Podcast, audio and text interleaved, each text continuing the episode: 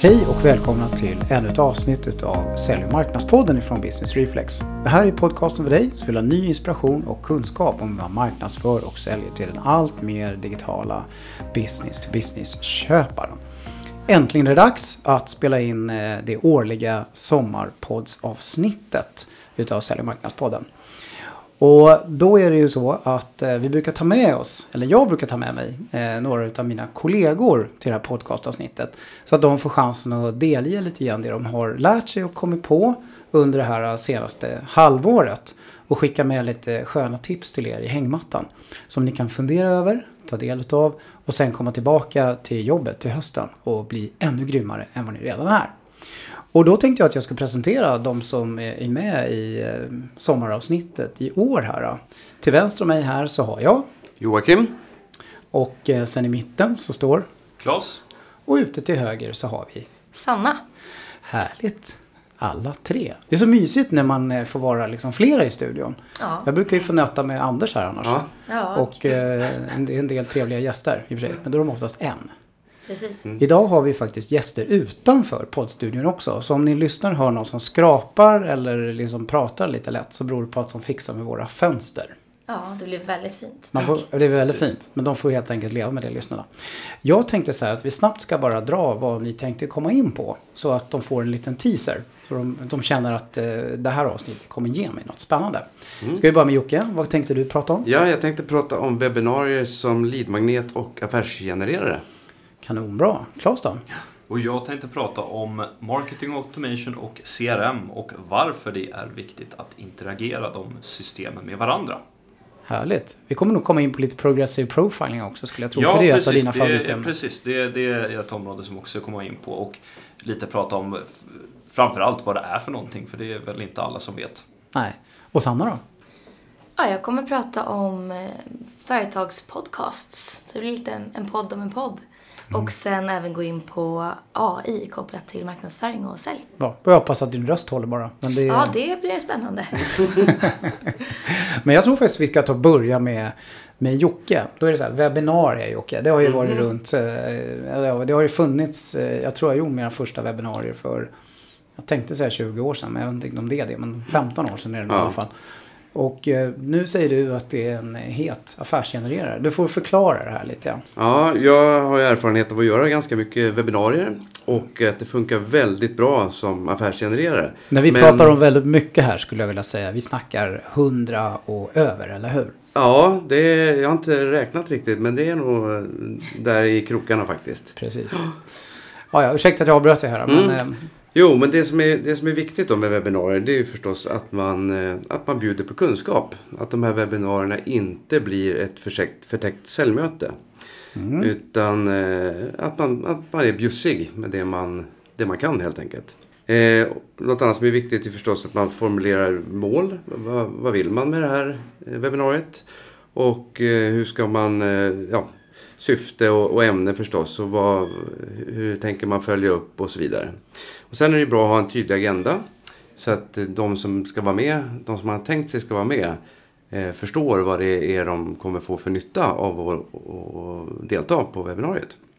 Eh, och webbinarier är också en sån sak som är väldigt, det är väldigt lätt att få eh, människor att boka sig på det. Men det är också väldigt lätt att de inte väl dyker upp när det är dags. För att det, just det. Det kostar liksom ingenting. Eh, och en lärdom som jag har dragit är att eh, man måste sälja in nyttan i all kommunikation även efter att någon har bokat sig. Just Så det. i eh, bokningsbekräftelser och kallelser och så är det viktigt att tipsa om att nej, missa inte det här nu för det, du kommer få, det är det här du kommer få lära dig och det kommer leda till det här. Mm. Vad kan man förvänta sig då om man kör webbinarier i Sverige? Hur många deltagare, deltagarprocent eh, brukar du vara med på att, eh, att det landar runt? Ja, men jag tror om vi ska räkna något snitt så kanske det är en 60 procent som, som eh, är med. Men eh, det som är bra är ju också att vi har ju fått allas eh, kontaktuppgifter när de bokar sig. Så att man kan ju även bearbeta de som inte var med på själva webbinariet. Till exempel skicka ut film efteråt eller ja, samma kommunikation eller annan kommunikation. Eh, och, och även ja, försöka fånga upp eh, de personerna. Du tog upp det där med film. Det är alltså det inspelade webbinariet som man sen då kan skicka till de som inte var med. Mm, ja, för eh, det som är bra med, med live-webbinarier det är att man ger möjlighet att eh, interagera. Att det går att ställa frågor och så vidare. Eh, och att det också finns en aktualitetskänsla, det händer här och nu. Men det är ju smart att också spela in webbinariet och sen antingen kunna erbjuda det i sin hela form eller klippa det i, i eh, snygga avsnitt och lägga upp på webben till exempel. Och det kan ju också vara konverterande förstås. Ja, några andra grejer då som du skulle vilja säga är viktiga kring själva leveransen? Ja, jag skulle säga att det är ganska svårt att hålla ett, ett bra webbinarie. Så att det behöver man träna lite på. Det är svårare än vad man tror. Ja, det är mycket svårare än man tror. För att man sitter ju ofta då ensam i sitt, eh, i sitt rum och pratar in i en mikrofon och in i en vägg. Så att min rekommendation är ju att man tränar med en publik. Att du har någon som, som sitter och, och, och lyssnar och att du tränar på pauser och eh, också eh, fundera lite på hur, hur kan jag få mina lyssnare att eh, reflektera. Att ställa lite frågor så att de eh, tänker kanske, men hur, hur är det här egentligen då i, hur funkar det i min verksamhet? Och liksom, så att man känner att det, det, det blir lite dialog fastän det är en monolog. Så att man, man fejkar en dialog helt enkelt. Det tror jag är viktigt. Ja, och sen att det händer grejer på skärmen. Eh, när man Förstås, står och presenterar ja. inför en publik så ska man snarare tänka kanske lite tvärtom. Fokus på talaren och mindre fokus på bilderna. Men här är det tvärtom nästan. Ja, och, och gärna att man kombinerar presentation med, med live-demo om man känner sig trygg i det. Så att man eh, f- får se det som, eh, om, om det nu är, vad det nu är som ska visas. helt må Men- ju alltid uppskattas. Ja, det är ju alltid uppskattat. Men det är bra att verkligen ha tränat på den då så att det inte dyker upp några demospöken eller liknande. Jag skulle säga också att något annat som är viktigt det är att försöka vara personlig. Bjuda på sig själv. Att talaren, eh, ja, eh, precis som man, man gör det här inför en, en publik som ser en. Att man försöker öppna upp och ja, visa lite vem man är. Och det är ju för att bli eh, bättre ihågkommen helt enkelt. Och det är där som ofta är väldigt svårt. Att bli så här avslappnat personlig Ja, i de här det sammanhangen. Eh, så att, eh, för det behöver man verkligen öva. Men du, moderator och sådär, behöver man det? Eller klarar man att göra det här själv? Ja, jag tycker att det är väldigt bra att ha en moderator som dels introducerar och så sköter all teknik. För då kan presentatören fokusera på presentationen och det som vi nyss nämnde då, att försöka få till en, en, eh, en personlig presentation och eh, skapa någon, någon form av dialog. Eh, Så att det, det tycker jag verkligen är väl värt in- insatsen, att ha en moderator. Har du något tips kring det här med frågehanteringen då som du är inne på? Eh, att man vill ju gärna få frågor. Hur ska man få det där att fungera? Jo, eh, ett, ett lyckat webbinarie kräver ju nästan att det blir lite frågestund om man har utlovat det. Mm. Och eh, ibland så är det ju så att eh, publiken vågar inte ställa frågor eller gör det inte av någon annan anledning. Och då är det bra att ha lite förkokta egna frågor. Alltså, Mm. Vilka frågor är det helst vi skulle vilja få? De ställer man själv. Eh, så- att det ändå, de Mm. Man låtsas frågorna- vara publiken lite grann och sen Ja. brukar publiken komma igång ganska bra med frågeställandet Ja, också. ja visst. Ja, men så är det. Ja, precis. Och sen påminner man dem att, att, eh, att man kan ställa frågor löpande. Underlättar ju det lite grann såklart. Men samt, framförallt tror jag också att, att de förstår att de kan ställa frågorna utan att de andra ser dem. Ja, just det. Så att eh, de Ja, fattar den grejen. ja men det är ju anonymt för, för övriga deltagare. Jaha, vad blir det självklara tipset för, eh, för dig nu då Jocke till de här Ja, jag, tycker, jag tycker egentligen bara, det finns bara en sak att säga nu och det är ju om du vill få fler kunder då ska du komma igång med webbinarier redan direkt efter semestern. Ja, Börja fundera på vem, vilken kandidaten är. Vem Ja. det är som ska få göra dem. Mm, just det. Ja, ja, Vilket ofta kan vara en knäckfråga. ja. Vad bra. Härligt. Ja, men då tackar vi för detta. Webbinarier. Eh, en gammal grej som funkar jättebra.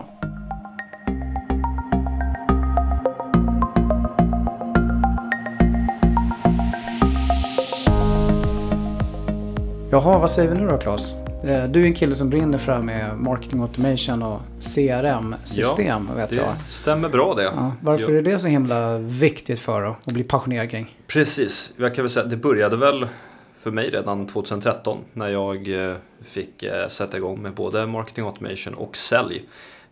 Och försökte koppla de där samman helt enkelt. Och jag arbetade ju mest som säljare då och följde upp leads med kalla samtal och, och det här vanliga uppföljningsarbetet man gör och upptäckte att när vi väl fick följa upp leads som vi redan visste vad de hade gjort och vi visste, hade ett konkret kvitto på att de här var intresserade så var det ju betydligt lättare att få igång ett samtal och eh, det blev oftast möten på det. Ja, du fick själv vara med och se det stora värdet av Ja, precis. Jag hade ju en liten eh, slags blandad roll där. Eh, så att det var ju det första Eh, min första erfarenhet av det. Och jag tänkte att det här, det här vill jag jobba mer med inom. Så att det har jag gjort också. Men du, eh, vi får kanske förklara lite grann här först och främst eh, hur det hänger ihop då. Vi säger att vi ska integrera ett marketing automation system. Vi får förutsätta att, att lyssnarna vet vad det är, men det tror jag. Precis. Många lyssnar på de här avsnitten kring, eh, från Sälj och marknadspodden förut kan jag tänka mig. Och har fått lyssna på avsnittet. Vi pratar om det här och CRM-system är ju allmänt känt och sånt. Men, men om man ska integrera dem, hur, eh, hur gör man det då? Vad ja. finns det för typer av sätt att göra på? Det finns, det är väldigt olika beroende på vilket eh, delvis vilket marketing automation system du kör självklart och sen beroende på vilket CRM du kör. Vi kör ju mycket Acton exempelvis. Och Som där finns det, ja. Mm. Precis. Och där finns det ofta färdiga ska man säga, färdiga lösningar för att koppla ihop med de större systemen som exempelvis Salesforce eller Microsoft Dynamics. Och då så är ju alltid den svåraste biten det är ju att tänka efter hur ska den här datan komma över i de olika systemen? För det är väldigt lätt att säga att ja, men det är väl bara att koppla ihop. Men det är oftast lite mer pyssel och man måste förbereda lite mer och tänka igenom hela processen. Att vad händer från att den här personen har kommit in på webbsidan, har kvalificerat sig själv, går ut till sälj och sen den absolut viktigaste delen, vilket många glömmer bort sen, att den här kontaktas sen av en, en säljare eller att någon har en förberedd mm. process för det. Och det är ofta det som är det stora problemet när marketing automation inte fungerar.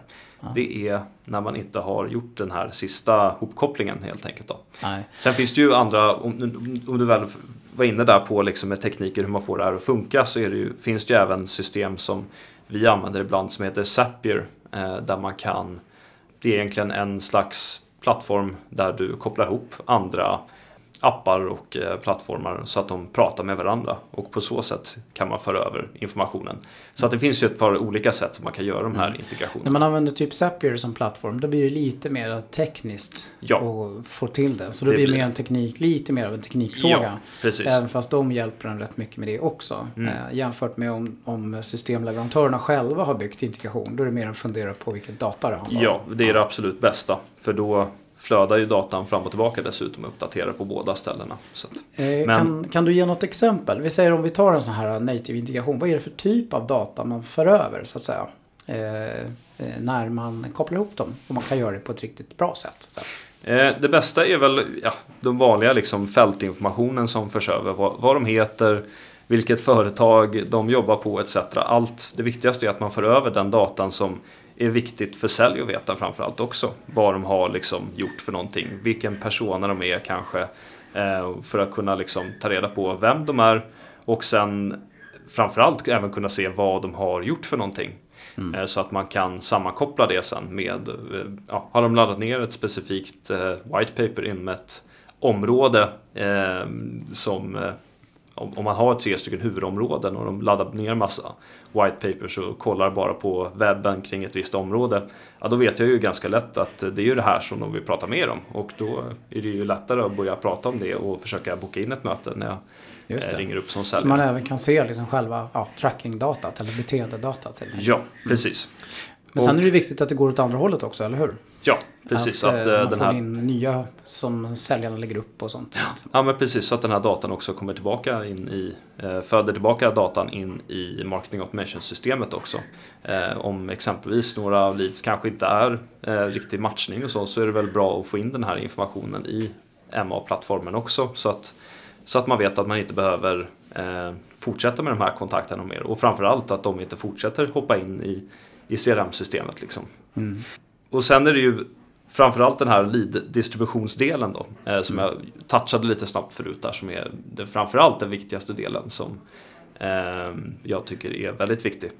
Och det är just att se till att när ni väl när ni för över eh, liksom leads till ett CRM att ni har en utarbetad process eh, så att ni vet vad en säljare ska göra och hur han ska ta hand om den här.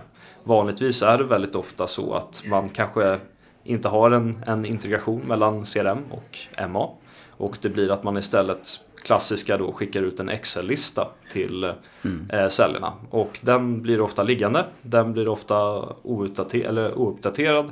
Och så eh, när säljarna får tag i den här och ringer upp de här då, så är de ju inte längre heta de här leadsen. För att det har tagit alldeles för lång tid att följa upp dem.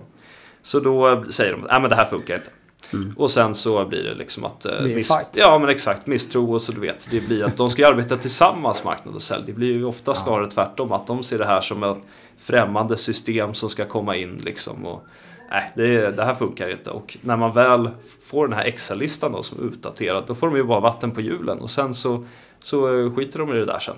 Ja, så ja, det... Jag håller verkligen med dig här att, eh, att man ska inte underskatta vikten av att göra ett ordentligt jobb med den här integrationen. Ja. För då ökar värdet för sälj. Det blir lättare att se att man sitter i samma båt. Värdet för marknad ökar och man kan liksom mäta alltihopa tillsammans. Ja, och viktigast framförallt, följ upp det i tid. Det är, liksom, det är bättre att man ringer liksom eh, fem minuter efter någon har liksom kvalificerat som ett, eh, en potentiell liksom, köpare än att man ringer upp någon dag senare eller kanske en vecka senare kan det vara ibland. För då är det för sent. Då har han redan gått vidare.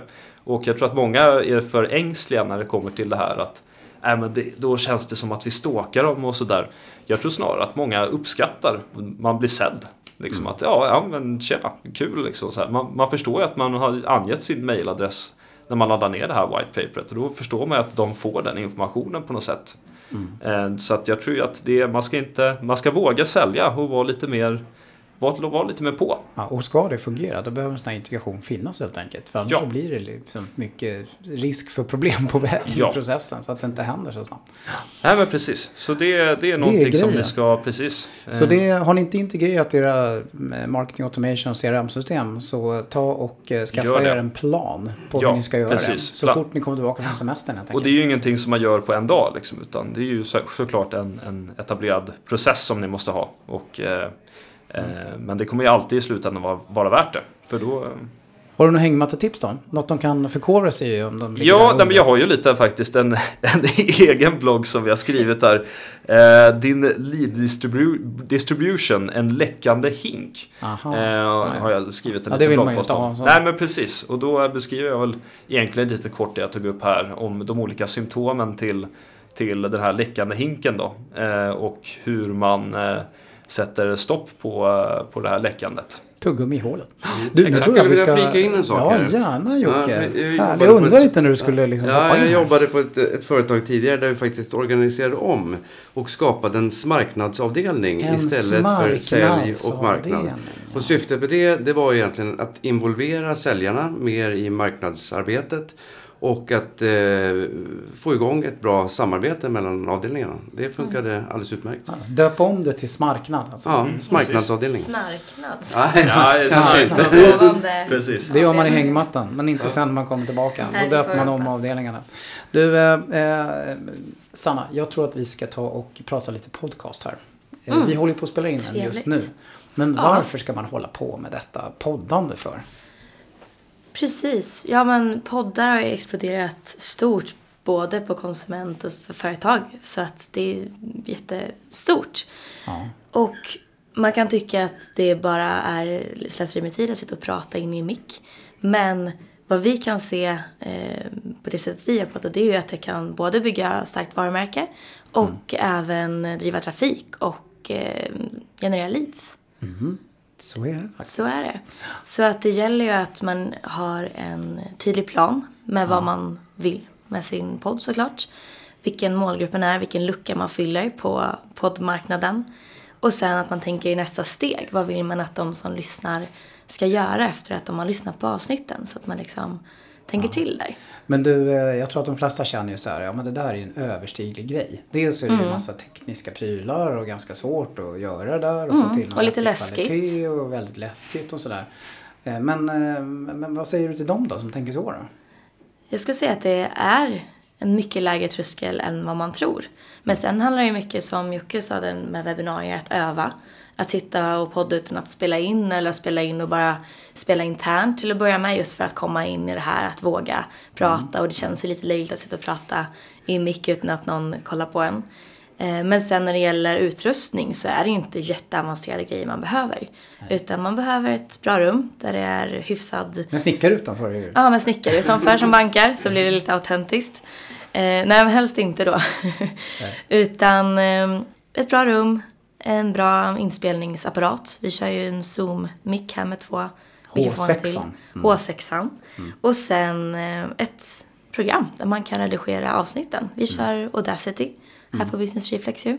Mm. Eh, och sen så, såklart även har tänkt till med branding och allt liksom avsnittsbilder så att det känns mm. eh, proffsigt och Men du, man måste ju ha någonting att lägga upp de här avsnitten i så att eh, Apple blir glada och den ploppar upp i mm. iTunes och alla andra tänkbara sådana här podcaster-appar. Vad har man då? Precis.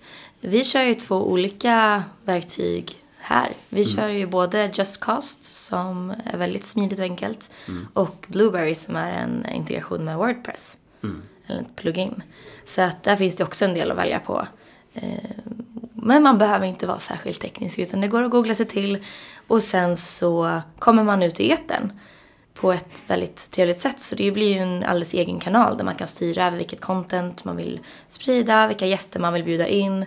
Eh, och där finns det också ett väldigt bra sätt att komma in i andra personers nätverk genom att bjuda in relevanta gäster. Mm. Det gör ju både Sälj och marknadspodden och vår andra podcast Marknadscoacherna. Som, precis, som ja. ju du har varit med och startat. Ja, precis. Ja. Eh, Men vet du vad? En sak som jag har upptäckt med framförallt er podcast, marknadscoacherna, det kan ju ge väldigt många spännande synergieffekter också. Kan du inte Precis. ge något exempel på vad som har hänt för, för din del och för Josefins del, ni som gör marknadscoacherna? Ja, nej men vi har ju blivit kontaktade till exempel om att komma ut och föreläsa i egenskap av marknadscoacherna då. Mm. Eh, så det är ju en väldigt kul effekt att mm. få komma ut på fältet. Som bara och, hände? Ja, de hade ja. lyssnat på podden och tyckte att det här borde vi göra live. Ja. Och sen såklart så skapa massa relevant content som är kopplat till avsnitten så att de som lyssnar sen går in på webben och laddar ner. Mm. Så blir det leads. Så blir det härliga leads. Mm. Ja, men vad bra då. då. Då tänkte jag så här, tänkte jag, att vi eh, tar och går vidare här. Och då tänkte jag att vi kanske skulle ta och snacka lite grann om det här med progressive profiling, trots allt. Men innan vi gör det tänkte jag bara säga att det är ett grymt bra hängmattetips det här med podden. För då kan ju marknads, marknaden säga så här, nu kör vi igång en podd, snacka ihop som är sälj och så får sälj liksom vara med. För de ja. är ju ofta bra på att snacka och presentera grejer, eller hur? De brukar bra, vara bra på att så snacka. Så blir det en sån här uh, SMARP, vad heter det nu? Nej, en Smarknad. Smarknad var det, precis. Smarknad. Ja, precis. Där har vi den.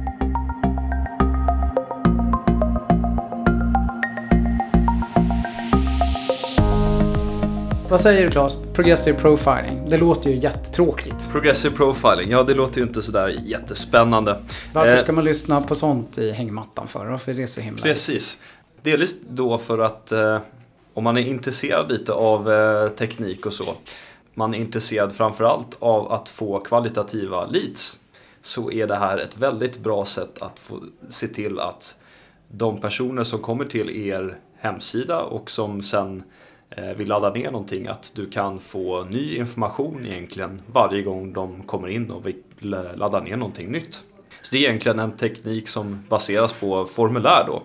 Där de vid ett, vi säger att du kommer in på Business Reflex och du ser ett väldigt intressant eh, white paper och mm. vill, ladda ner, vill ladda ner det helt enkelt. Då kommer du ange din e-mailadress och sen så kanske du får ange eh, vad du heter. Ja, Förnamn, efternamn. Exakt, mm. förnamn, efternamn.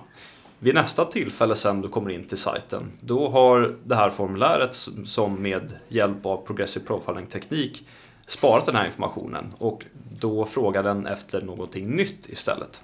Så mm. då frågar den istället efter kanske företag och din jobb, eh, vad säger jag, job title höll jag på att säga, din eh, titel, ja exakt. Och på det sättet sen i ett marketing automation system så är det här väldigt effektivt för att då sakta bygga upp en profil om den här informationen eller om den här personen. För att det är många som inte är direkt så här jättepigga på att fylla ut eh, halva sin liksom, profil i ett formulär. Om du skriver tio stycken olika fält så minskar ju konverteringsgraden väsentligt än om du kanske bara anger en, två fält. Det är inte så farligt. Mm. Eh, och det här är ju ett sätt att helt enkelt att identifiera om de här personerna är rätt. Det är som att dejta. Man vill ja, men exakt. exakt. det, det, så kan man säga på det. En, en, nytta som jag ser väldigt mycket med det här, det är att man vill förstå vilken typ av relation som den här personen vill ha med mm. bolaget. Alltså om man är en partner, eller om man är en kund, eller om man är en icke-kund, eller om man är en annan, annan, annan intressent på något sätt. Så kommer det bli mycket lättare för oss att, att, så att säga, hålla koll på det där. Det traditionella, på det och det traditionella är ju att om man implementerar ett, eh, en marketing automation-plattform är att många bara använder själva liksom den här poängsättningsmekaniken på vad folk faktiskt gör och går sällan och poängsätter vilka faktiskt personas är. Och det är ju en stor skillnad. Man måste ju veta vad att folk har varit tillräckligt intresserade av det du har på sajt eller laddat ner. Men du måste också veta att de är rätt person. För om du eh, är ute efter någon beslutsfattare på ett företag och det är en praktikant som sen får jättehög eh, poäng, liksom, eh, samlar på sig en jäkla massa poäng på, på sajten och sen så kontaktar en säljare den här personen och då är det ju helt fel person. Och det hade man ju kunnat undvika om man hade samlat den här personadatan också. Mm. Som är väldigt enkelt och effektivt med Progressive Profiling. Precis, så det här gäller att inte fega ur kring det här progressive profiling. Många marketing automation system av lite mer avancerad slag har ju den här typen av ja. funktioner. Det gäller att komma igång och använda dem. Och eh, då, då är det så att GDPR har ju precis börjat gälla här. Så man ska naturligtvis se till att man gör det här på ett GDPR-mässigt korrekt Såklart. sätt. Men det går att göra Absolut. om man tänker till. Men man får bara inte slarva bort sig där. Jättebra. Progressive Profiling. Det är, läs på lite, kolla om era Marketing Automation-system eh, supportar här och eh, sätt igång och börja prova. Precis. Det är egentligen, de, eh, flesta, liksom, de flesta plattformar stödjer det här. Mm. På lite olika sätt. Ja. Men då, då tänker jag mig så här att, att eh, en annan vind som ju blåser här, Sanna, förutom det här poddar har blivit så galet populärt och finns överallt är ju det här med artificial intelligence. Det har ju ja. inte någon kunnat liksom, missa Nej, den här våren. det tror jag inte. Men vi som håller på med det här med, med marknad och sälj då, varför ska vi bry oss och varför är det här viktigt? Vad, vad har du att säga om det? Du har ju mm. testat på lite grann själv. Ja, nej men det handlar ju om det här med datadriven marknadsföring och det har ju ni tagit upp i podden i några avsnitt tidigare också. Jajamän. Eh, så det är ju superstort. Och man har ju sett det väldigt mycket eh, långt tillbaka B2C väldigt mycket men nu kommer det väldigt mycket B2B. Och det exploderar verkligen. Mm. Så att, ja. Ska vi vara rädda om det här med jobben vi som är marknadsförare nu när det här med AI och marketing och eh, AI och sälj börjar liksom bli mer verkligt? Ja, det där är ju en myt som jag faktiskt vill slå hål på. För att det är många mm. som räds och tycker det är läskigt med AI som kommer in och tar över den digitala marknadsförarens roll. Och jag skulle säga att det snarare öppnar upp för väldigt mycket för oss. Eh, nu får, får du förklara det lite grann här. Ja, ja men jag tänker så här att ja, visst, vissa uppgifter kommer absolut att förändras och våra jobb, jobbroller kommer inte se likadana ut. Men vi får ju ett större spelrum att kunna agera mycket mer strategiskt och smartare eh, och kunna göra mycket bättre personifierad och eh, riktad marknadsföring på ett mycket bättre sätt. Mm. Ja, helt nya möjligheter uppstår ju faktiskt. Men då ja. gäller det ju att fatta tekniken och se till att man har tekniken och Precis. förstår hur den ska användas. Ja, och det är samma... sin marknadsförare kan man säga. Precis, och det är väl där, det är samma sak där med de här trösklarna. Att det är alltid läskigt med ny teknik och att sätta sig in i den och lära sig den. Men jag ska säga att första steget är ju inte att börja bli expert på tekniken utan att förstå vad det är man vill åstadkomma och vilka mål det är man vill mm. nå med hjälp av den här typen av teknik. Mm. Eh, och sen börja utvärdera verktyg. Vi håller ju på här nu på Business Reflex och utvärderar verktyg som Precis, har med AI att göra. Och testar live ja, på sajten och på ja, andra ställen. Vi gjorde ju en riktigt eh, tungt eh, poddavsnitt här eh, om det senaste, om det senaste om det här. Men mm. om man ska titta lite mer på de här mer vardagliga verktygen som används i vardagen. Vad är det för ja. typ av AI-grejer som börjar dyka upp då? Om vi ska ta några små exempel. Men allt ifrån chatbots på sajter mm. ser man ju allt mer och mer. Mm. Men även en sån här grej som att man gör ett utskick från ett marketing automation system. Mm. Att då systemet med hjälp av AI kan hjälpa dig när du ska skicka ut ett utskick till vilken målgrupp eller till, till och med vilken person baserat på när de brukar öppna mejl, vilka dagar, vilka tider. Eller till exempel vilka budskap funkar bäst på vilken typ av segment. Allt baserat på såklart att du har gjort, gjort det tillräckligt många gånger så att den ska ha lärt sig. Så det finns lite data. Ja, mycket data. Men Hur ja, jag tycker det är häftigt. Hur är det på webbar då? Finns, börjar det finnas den här typen av verktyg också som kan liksom förenkla användandet av en webb om man kommer Mm. in på den som en besökare? Ja, det finns ju redan många, många sådana som, ja, som man ser. Men ett exempel är till exempel att hemsidans innehåll anpassar sig efter, efter dig som besökare. Vad du har för cookies och vad du har gjort tidigare och vad du har visat intresse för. Så att om du har kommit in på en sajt och till exempel sökt på eh, semestertips eller ja, resor, semester, så kan sajten visa innehåll som är kopplat till just resor. Och då skapa mycket bättre upplevelse för dig som användare. Och ja, De får kanske hålla lite utkik på våran sajt så får de se Ja. om det händer någonting nytt där, där kommer det sommaren. hända grejer. Ja, verkligen. Ja, vad bra. Då, då tackar vi för allt detta. Jag, jag tänkte att jag själv skulle ta och eh, slänga in ett litet tips här på slutet. Så tror jag ni får hjälpa mig lite. Det är ju så att eh, framförallt vi på marknad, men det har ju även påverkat sälj en hel del, har ju kämpat med GDPR här nu under hela vårvintern. Och eh, det har ju varit en rätt intressant eh, resa.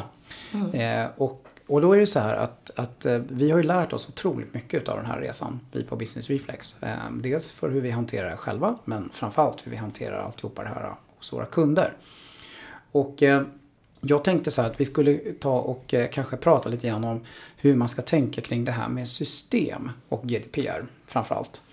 Eh, därför att det vi ju verkligen har kommit fram till är ju att det här blir ju en extra arbetsbörda väldigt mycket för framförallt de som jobbar på marknadssidan.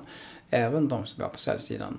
Och då gäller det att ha smarta system som hjälper oss att vara så att säga GDPR compliant. Inte bara compliant utan även hjälper oss med att hantera det vardagliga som man faktiskt måste göra. Och vissa system är ju väldigt bra på det här och har infört mycket funktionalitet för det här. Vi pratar ju om marketing automation system och sådana här CRM-system. Medan andra, eh, där har det inte hänt speciellt mycket alls egentligen eh, kring den här typen av funktionalitet. Men de kan fortfarande kanske hävda att de är compliant. Så här gäller det att som ska jag säga, eh, säga, marknadschef då framförallt ta sig en liten titt på de system man har. Vad är det för typ av funktioner de har infört eller vilka funktioner de är på väg att införa. Och har de inga sådana planer kanske man ska se över att byta system helt och fullt. Och den typen av grejer som man eh, absolut då ska förvänta sig att de här systemen har. Och om jag börjar att ta ett sådant eh, exempel då så är det så här som kallas för, på engelska för subscription page. Det vill säga att man kan göra en väldigt snygg sån här sida där, eh, där besökaren, användaren, kan själv enkelt styra vad det är för typ av information som man får ifrån oss. Och att eh, det bakomliggande systemet då håller reda på det här på ett praktiskt sätt så att det blir lätt för oss som marknadsförare sen att faktiskt agera baserat på vad de har sagt att de vill. Eh, och det, är inte, det låter kanske ganska enkelt men det här är en väldigt viktig funktion som systemen behöver ha en väldigt bra lösning för, skulle jag säga. Mm. Men sen finns det sådana här enklare grejer. Eh, som att ta bort en person. Ja. kan låta lätt. Och även kunna ta fram vilken information vi har på en person. Det är ju också en sån här grej som låter lätt men det är inte alltid det enklaste om den finns utspridd och Nej. i olika system. Det kan vara svårt för oss att ta fram den. Eh, men kanske helst av allt skulle man vilja att personen i fråga kanske kan ta fram den själv och se den. Och radera, som sagt, låter ju också väldigt enkelt. Men det gäller ju att radera då allt data. Eh, inte bara ja, något, eh, någon namn eller någon e-mailadress eller någonting. Utan att verkligen Precis. allt försvinner. Rätten att bli bortglömd. Precis. Eh, och eh, de flesta sådana här system behöver ha specifika funktioner för de här sakerna vi var inne på just nu. Men sen finns det andra grejer. Och det är ju här att när man då optar in hos ett företag, så jag fyller i ett formulär och är intresserad av någonting. Så gäller det ju att veta vilken av våra policies, vilken version av vår policy har man optat in mot. För den kommer man ju sen att förändra och uppdatera i framtiden när GDPR utvecklar sig och vi lär oss mer och mer om vad man, hur man bör göra och hur man bör hantera saker och ting och, och lagstiftningen så att får mera liksom riktig innebörd. Eh, och då måste man veta vad är det de har optat in mot för policy. Eh, och hålla människor kanske uppdaterade om man förändrar den här policyn och sådär. Och man kan ju faktiskt ha olika policies också beroende på eh, situation. Mm. Eh, länder och det kan vara vilken, om man är kund eller om man inte är kund och, och sådär. Ja. Precis. Jobbar man sen då med de här, det här med samtycken. Då blir det ju väldigt mycket mer komplext. För då måste man ju hålla reda på alla typer av detaljsamtycken som man eventuellt har samlat på sig. Och veta det och framförallt att kunna agera i linje med dem. Så man är juridiskt okej med de här samtyckena. Mm. En annan grej då som jag, vi har ju klurat en hel del på, det är hur vi skulle lösa det här med källa. Framförallt om man baserar det här på intresseavvägning. För då behöver man ju kunna säga någonting om det där. Vilken, vad är källan till varför vi har information om dig? Mm. När man kommunicerar. Hur ska man göra det då? Har vi, någon, har vi hittat någon bra lösning på det? När någon fyller i ett formulär så finns det ju en bra lösning för det. Eh, för då har man ju ett hidden field helt enkelt som, som talar om för systemet vad det är som har hänt när den här personen har fyllt i just det formuläret. Till exempel submitted contact form. Eh, För då är det källan till att vi har fått in den här personens information i vårt system. Mm. Och sen när vi kommunicerar ut då, hur gör vi med källan då? då? Ja, den ska vi ju visa då i, e-postfoten. I, I de mejl som går ut. Men jag skulle säga att det som är klurigast egentligen med, med det här med källa. Det är ju de eh, kontakter som säljare själva lägger in i CRM. Som speglas över. De, eh, de måste vi ju också på något sätt eh, eh, man, man kanske skapar, det kan inte vara fritextfält utan det måste ju vara styrt på något sätt. Mm. Med ett antal eh, eh, Val. olika val. Picklist. Ja, Ja. för var, var den här kommer ifrån. Om det är från en, en mässa eller vad det nu kan Mm. vara. Där Ja. man har liksom eh, Eh, haft en dialog och fått okej okay att bli registrerad i systemet. Mm. Nej, och det här kan ju låta kanske också då ganska enkelt men det ställer ändå rätt höga krav att man kan hantera källor på ett smart sätt. Både då från kanske CRM-system där säljare lägger in det så att det hamnar i marketing automation-systemen och från liksom, när man fyller i formulär och på olika sätt. Och samtidigt att automatiskt ska kunna visas i foten då när man så att säga, kommunicerar ut och skickar mejl till exempel. Precis. Vilket ju inte alls är några självklarheter i många sådana här system. Jag tror så här, det här är lite exempel Eh, på grejer som de här systemen behöver ha specifika funktioner för. För att vi ska få ett hanterbart liv efter, nu efter GDPR in, in, införande. Så att vi inte översvämmas av en massa administrativt eh, och gör fel. Eh, för då behöver de här grejerna finnas. Så eh, hängmattetipset här nu. Det är helt enkelt att eh, när ni kommer tillbaka från semestern så tar ni och eh, ställer lite frågor till era systemleverantörer Mm om de här grejerna. Precis, och om man jobbar med en byrå med marknadsföring så kan man ju även höra med dem vad de rekommenderar för rutiner och best practices just kring GDPR. Även om det inte är jurister så, så ska ju vi som byrå också ha hyfsat bra koll på vad det är som, som gäller Precis. med marknadsföring och GDPR. Så friskriver vi oss lite sen så får Ja. ja. Den lilla finstilta texten. ja, nej men i, alla fall. Det, det, här, det där har sköljt över oss och eh, fundera över det i hängmattan och ta ett litet, eh, ett, ett litet tag med det där när ni kommer tillbaka. Så att ni säkerställer att ni har system som verkligen ger bra stöd. Hörni, jag tror att det börjar bli dags för oss att eh, avrunda det här avsnittet. Och då brukar det vara på det viset att vi, vi säger ju alltid en sak, Anders och jag, Eh, när vi kör de här avsnitten. Så jag ska se om ni eh, tre lyckas hänga med mig på det här. Ska vi köra fyrstämmigt eller bara? Eller ska vi bara ja, köra? Kör ja. ja. Vi, kör, fyrstämmigt. Vi gör inga... Vad ni än gör där ute så ska ni se till att vara relevanta. relevanta. Glad sommar! Glad sommar! Hej då! Relevant!